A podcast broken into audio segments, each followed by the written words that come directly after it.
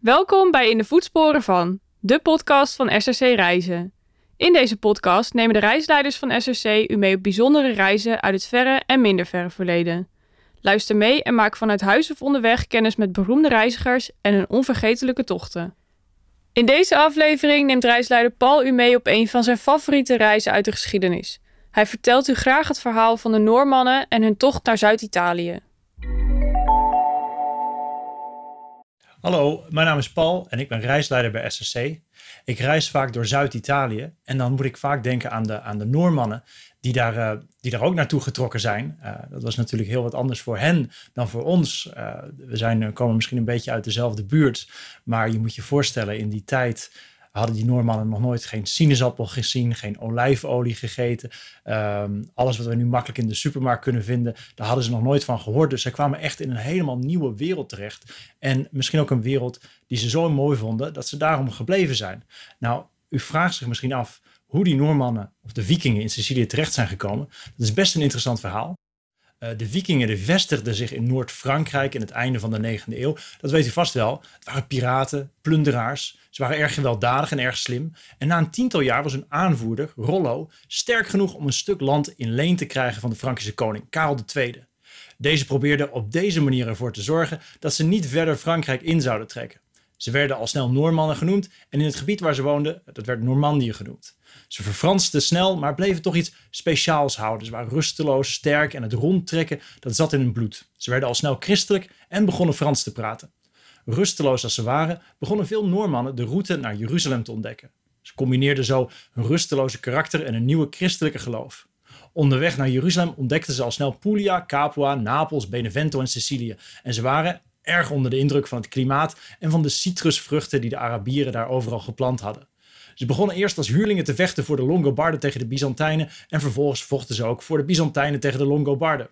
Voor hun diensten begonnen ze steeds meer grond te vragen. Uiteindelijk werden ze zo machtig dat ze beide partijen konden verslaan. Nadat ze rond de eeuwwisseling voor het eerst in het zuiden waren geweest, waren ze honderd jaar later de hertogen en graven van Puglia en Sicilië geworden.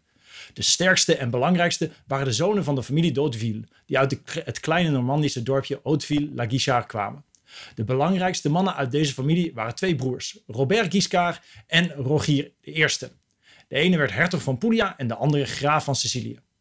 Robert Guiscard, Robert de Vos of de Sluwe, wordt meestal gezien als de stichter van de dynastie en de meest interessante figuur. Hij wordt beschreven door de Byzantijnse geschiedschrijfster Anna Comnena op deze manier.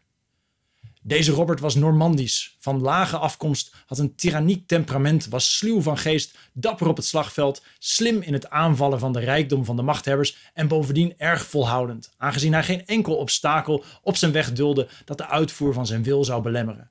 Zijn postuur was zo indrukwekkend en hij torende boven de langste uit. Hij had een gezond gelaat, blond haar, brede schouders en zijn ogen spuwden bijna vuur. Van zijn schreeuw werd gezegd dat het duizenden op de vlucht kon jagen. Doordat hij zo uitgerust was door het lot, door zijn karakter en door zijn postuur, was hij van nature ontembaar en ondergeschikt aan niemand in de wereld. Deze Robert was de zesde zoon van Tancred d'Hauteville. Hij verliet Normandië met alleen vijf ridders en dertig volgelingen te voet. Het lukte Robert door de ene machthebber tegen de andere machthebber uit te spelen, uit te groeien tot hertog van Puglia en Calabria. Samen met zijn broer heeft hij later ook Sicilië van de Arabieren veroverd. Ze deden dit weer op dezelfde manier. Ze speelden de ene emir tegen de andere uit. Rogier I kreeg een zoon, Rogier II, en deze lukte het na de dood van Robert de Guiscard de twee kronen van Sicilië en Puglia te verenigen. Robert de Guiscard was de legendarische stichter van het geslacht, maar Rogier II was de staatsman en de organisator van het rijk en de feitelijke stichter van het koninkrijk. Zijn dochter trouwde vervolgens de zoon van Frederik Barbarossa en uit dat huwelijk kwam Frederik II, de Stupormundi, voort. En dat is weer een heel ander verhaal. Op de reis naar Zuid-Italië bezoek ik altijd Bari, waar enkele interessante monumenten van de Normandiërs te vinden zijn. De grote bloeitijd beleefde Bari na de Normandische verovering in 1071. 16 jaar later werd het gebeente van bisschop Nicolaas uit de Turkse Mira geroofd door een aantal zeelieden uit Bari.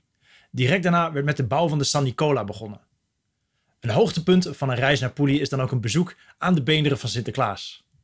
In 1087 wil Robert Guiscard van Bari een belangrijk punt in de westelijke kerk maken. Hij laat een enorme Romaanse kerk bouwen, de San Nicola. De kerk heeft drie nauwe schepen, zoals in Normandisch gebruik, en blinde bogen, zoals de Longobarden dat deden. Deze kerk dient als model voor vele andere kerken in de regio, waaronder de kathedraal in Bari een paar meter verderop. Een grote crypte is ook typisch voor deze kerken. In de crypte van de San Nicola vind je het potje met de bederen van Sint-Nicolaas. Naakte façades zijn ook typisch Poelies. Zijmuren hebben vaak een eigen façade met ingang mooi versierd. Lokale artiesten waren vaak Byzantijnen en de invloed op het Romaans beeldhouwwerk is onmisbaar. In de San Nicola kan je de Franse invloed zien in de deur van de leeuwen, waar je allerlei ridderscènes ziet, net als in de kerken in West- en Noord-Frankrijk. Je ziet weinig gotiek in de kerken van Zuid-Italië, maar des te meer in de kastelen van Frederik II, waar we het later nog uh, over zullen hebben. Uh, zoals in het Castel del Monte, een van de andere hoogtepunten van, uh, van elke reis naar Zuid-Italië en Puglia. Het Castel del Monte is een, is een fantastisch gebouw. Ik vind het prachtig om daarheen te gaan. Heel apart. Je ziet het nergens anders. Massief achthoekig kasteel met gotische hoektorens. Het staat op een geïsoleerde plek van de Moerje, het kalksteenplateau dat door Puglia loopt. Het staat ook wel bekend als de spionnentoren van Puglia. En Frederik liet het kasteel bouwen tussen 1229 en 1249.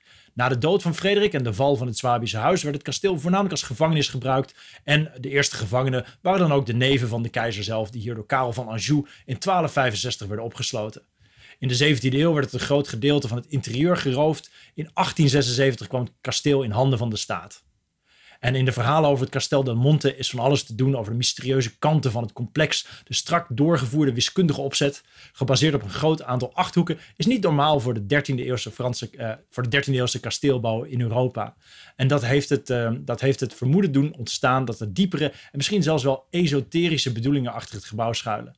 In de middeleeuwen werden magische krachten toegedicht aan numerieke symbolen. Vierkant en cirkel zijn de symbolen voor aarde en mens enerzijds en voor hemel en gods anderzijds. De synthese van magische en praktische elementen vindt zijn hoogtepunt in de achthoek. Het samenvloeien van vierkant en cirkel, waarin het menselijk en het goddelijke bij elkaar komen. Vandaar acht hoeken, acht vertrekken, acht zijden, acht hoektorens, etc. Frederik II van Hohenstaufen is een van de weinige echt Siciliaanse vorsten geweest. Hoewel zijn grootvader Frederik Barbarossa was en hij tot heilige Roomse keizer werd verkozen, lag zijn echte machtsbasis toch in Sicilië. En het was duidelijk dat hij uit het, uit het Normandische geslacht van Robert Guiscard kwam. Zijn moeder was Constance, de dochter van Rogier II, groeide op in Palermo en hij was al heel jong wees. En hij leerde een hoop van de verschillende culturen in Palermo, voornamelijk op straten naar het schijnt. Zijn officiële voogd was namelijk de paus, maar die zat natuurlijk helemaal in Rome. Hij sprak zes talen: Latijn, Siciliaans, Duits, Frans, Grieks en Arabisch. In zijn tijd was Frederik bekend als de stupor mundi, de verbazing van de wereld. Hij leek zijn tijd echt ver vooruit te zijn. Frederik was bijvoorbeeld van mening zo zegt men dat Mozes, Mohammed en Jezus de grootste oplichters uit de geschiedenis waren. Geen wonder dat hij regelmatig ook met de paus overhoop lag. Paus Gregorius IV noemde hem ook wel de antichrist. Frederik stond ook bekend als de gedoopte sultan, omdat het verhaal ging dat hij een harem erop na zou houden. Op zijn veertiende werd Frederik door de paus uitgehuwelijkt met de 30-jarige Constance, de dochter van de koning van Aragon. Wonder boven wonder schijnt het een gelukkig huwelijk te zijn geweest en Constance schonk hem al snel een zoon. Toen de paus een sterke bondgenoot nodig had, kroonde hij Frederik tot heilige Roomse keizer. Frederik moest wel beloven op kruistocht te gaan. Maar Frederik schijnt er niet zoveel zin in te hebben gehad en hij bleef het maar uitstellen en uitstellen en uitstellen, waarop de paus besloot hem te excommuniceren. Pas toen Frederik via nieuwe vrouw de titel van koning van Jeruzalem kreeg, besloot hij deze titel inhoud te geven. Hij vertrok, maar hij werd al snel ziek en moest achterblijven. De paus vertrouwde Frederik niet en excommuniceerde hem nog een keer. Een paar weken later voelde Frederik zich, Frederik zich iets beter en vertrok hij alsnog, alhoewel hij nog steeds geëxcommuniceerd was. De kruistocht van Frederik was een van de meest succesvolle ooit, alhoewel er nooit een nummer aan is gegeven.